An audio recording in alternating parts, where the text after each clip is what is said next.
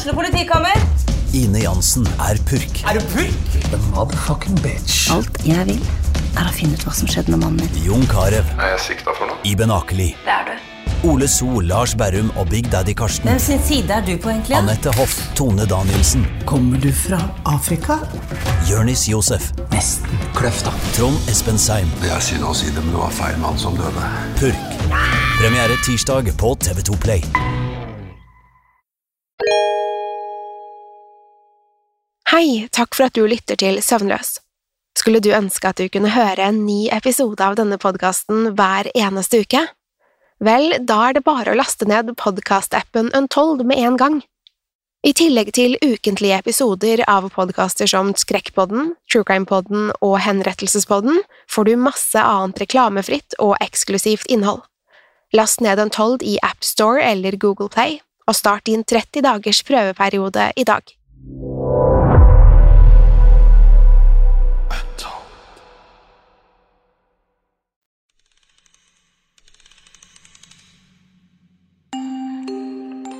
Om du har planer om å sove og drømme søtt i natt, er dette ikke podkasten for deg. Hvis du er lettskremt, lett påvirkelig eller har søvnproblemer, bør du styre unna akkurat denne. Om du likevel vil ta sjansen, eller er på utkikk etter en unnskyldning for å ikke sove, så har du kommet til rett sted. Om du velger å bli, er du herved advart. Velkommen til Søvnløs. God natt.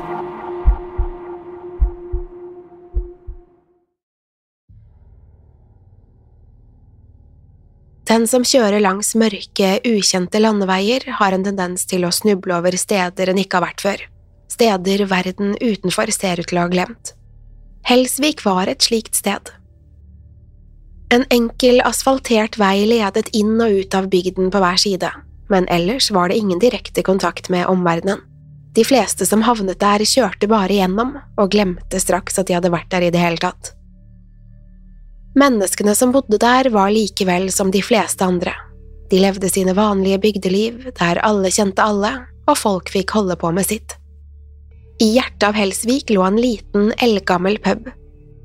Den var selve samlingspunktet i bygden, og hit kom de aller fleste innbyggerne hver kveld for å møte hverandre. Puben var så gammel at ingen riktig visste når den ble etablert. Likevel hadde helsvikerne besøkt den i flere generasjoner, og for mange var den som et hjem nummer to. Gulvene på puben var nedslitte og knirket under fotsålene, og veggene hadde sett flere historier enn noe annet i bygden. Hver kveld mens solen forsvant nedover horisonten, åpnet dørene til puben, og de lokale strømmet inn. Det var alltid fyr på peisen og noe godt å drikke eller spise. En spesielt mørk og stormfull kveld lå innsiden av puben badet i varmt oransje lys fra et titalls stearinlys på de spredte bordene. Det var blitt sent, og de fleste hadde funnet veien hjem, men her og der satt noen av pubens mest trofaste kunder igjen. Samtalene rundt bordene var bare så vidt hørbare over lyden av rolig jazzmusikk som strømmet ut fra en gammel radio. Bak bardisken sto pubens eier og eneste ansatte, en hengslete, blek, middelaldrende mann ved navn Stig. Han hadde bodd hele livet i Helsvik og overtatt puben fra sin far, som igjen hadde overtatt den fra sin far. I generasjoner hadde Stigs familie drevet puben, og den hadde ikke blitt mindre populær med årene. Snart viste det gamle vegguret kvart på to om natten, og Stig klarte bare så vidt å kvele en gjesp idet han annonserte at han var i ferd med å stenge. Om noen ønsket mer å drikke, så var det siste mulighet nå. Stig kikket opp og fikk se at puben var tom, med unntak av én mann som sto på hjørnet av bardisken. Stig kunne ikke se mannens ansikt, da det var skjult under bremmen på en mørk hatt. Han var ikledd en lang frakk med doble knapper som på en eller annen måte ikke passet inn i pubens rustikke stil. Den fremmede så ikke opp, men vinket bare Stig til seg med en hansketrukket finger. Bartenderen gikk ned til enden av baren og stilte seg opp foran den fremmede mannen. Så gjentok han at det var siste sjanse til å bestille noe. Stig innså at beskjeden fremsto mer fiendtlig enn gjestmild og kremtet litt forlegent. Mannen så likevel ikke ut til å bry seg. Han sto bare stille ved baren og stirret ned i det lille som var igjen i glasset sitt. På dette tidspunktet var det mer vann fra smeltede isbiter i glasset enn whisky. Stig ble stående et øyeblikk, men kom frem til at mannen nok var ferdig for kvelden. Derfor nikket han bare til den fremmede og gikk tilbake til plassen sin. Stig skjenket et glass whisky til seg selv for å få tiden til å gå. Så sto han i den andre enden av baren og kikket nysgjerrig bort på den fremmede mannen. Noen minutter gikk før mannen plutselig kikket opp fra glasset sitt. Stig la straks merke til øynene. De var mørke og stikkende, men lyste likevel av sjarm og selvtillit. Du er en nysgjerrig type, er du ikke, Stig? spurte mannen plutselig. Stemmen hans var rolig og kontrollert, og myk og innbydende som honning. Stig blunket fort et par ganger. Han visste ikke riktig hva han skulle si, men spurte etter hvert om hvordan mannen visste hva han het. Den fremmede hadde ikke introdusert seg selv, og så vidt han visste, hadde de aldri møttes før. Navn er bare merkelapper, Stig, sa den fremmede med et lite glis. Kjenner du meg ikke igjen?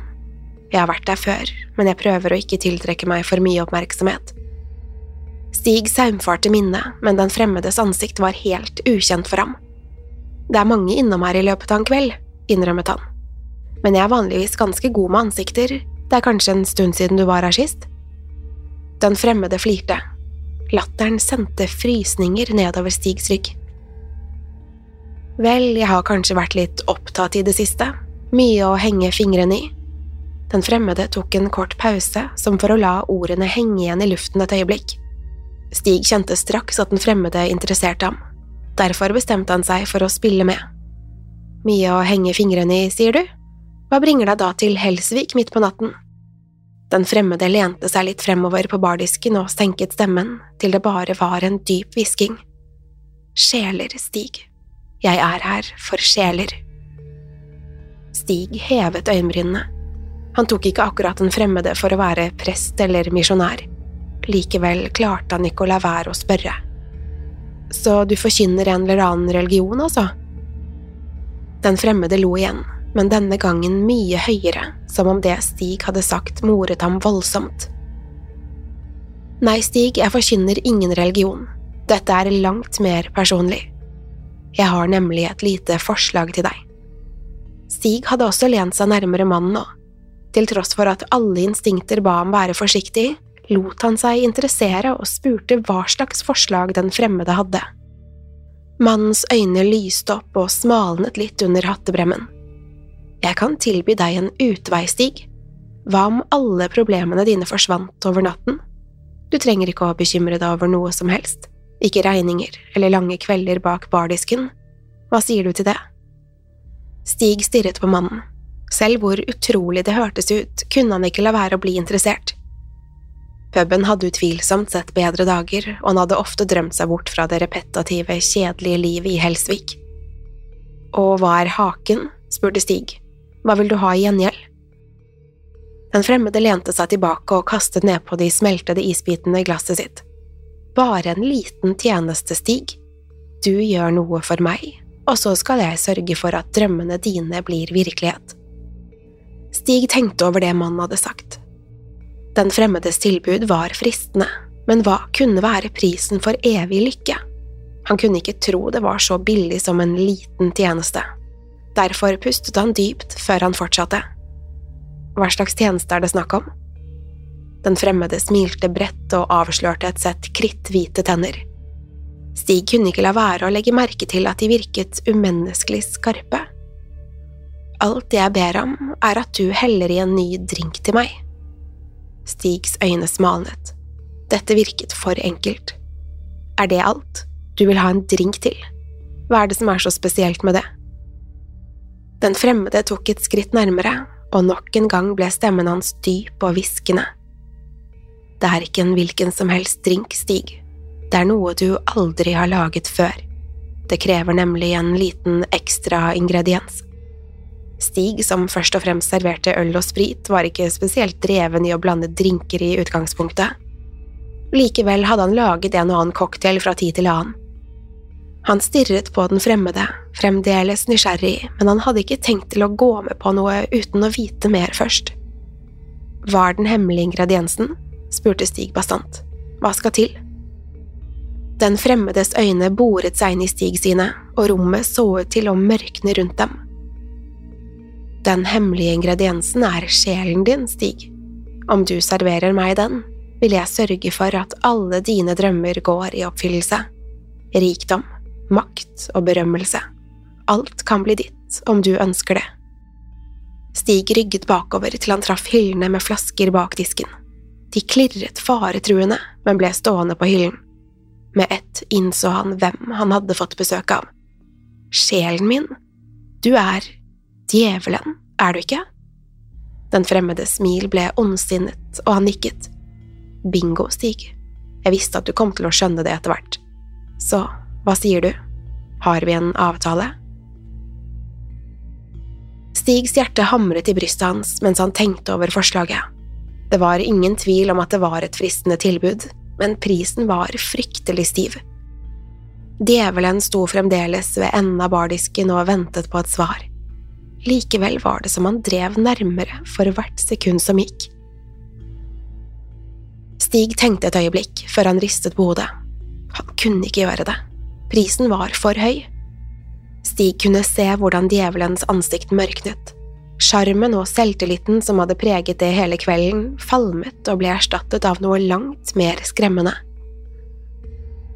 Du begår en stor feil, Stig, sa djevelen gjennom sammenbitte tenner. Dette er sjansen din, og du kaster den bort. Stig forsto at han levde farlig, men han lot seg ikke kue. Han kunne ikke selge sjelen sin til djevelen, uansett hva han ville få igjen for det.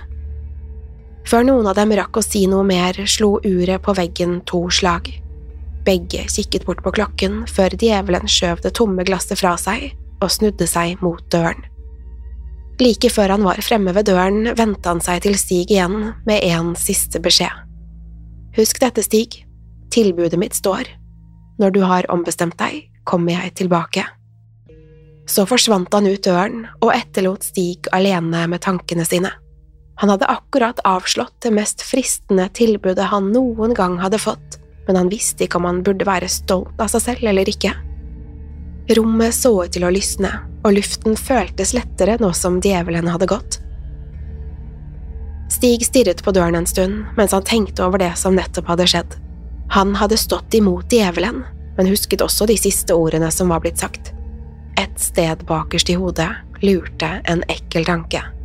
Tilbudet sto frem til han hadde ombestemt seg, og Stig fryktet at djevelen ville være tilbake allerede neste kveld.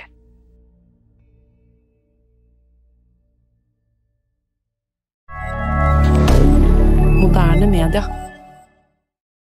Har du et enkeltpersonforetak eller en liten bedrift? Da er du sikkert lei av å høre meg snakke om hvor enkelt det er med kvitteringer og bilag i fiken, så vi eh, gir oss her, vi. Fordi vi liker enkelt. Fiken superenkelt regnskap.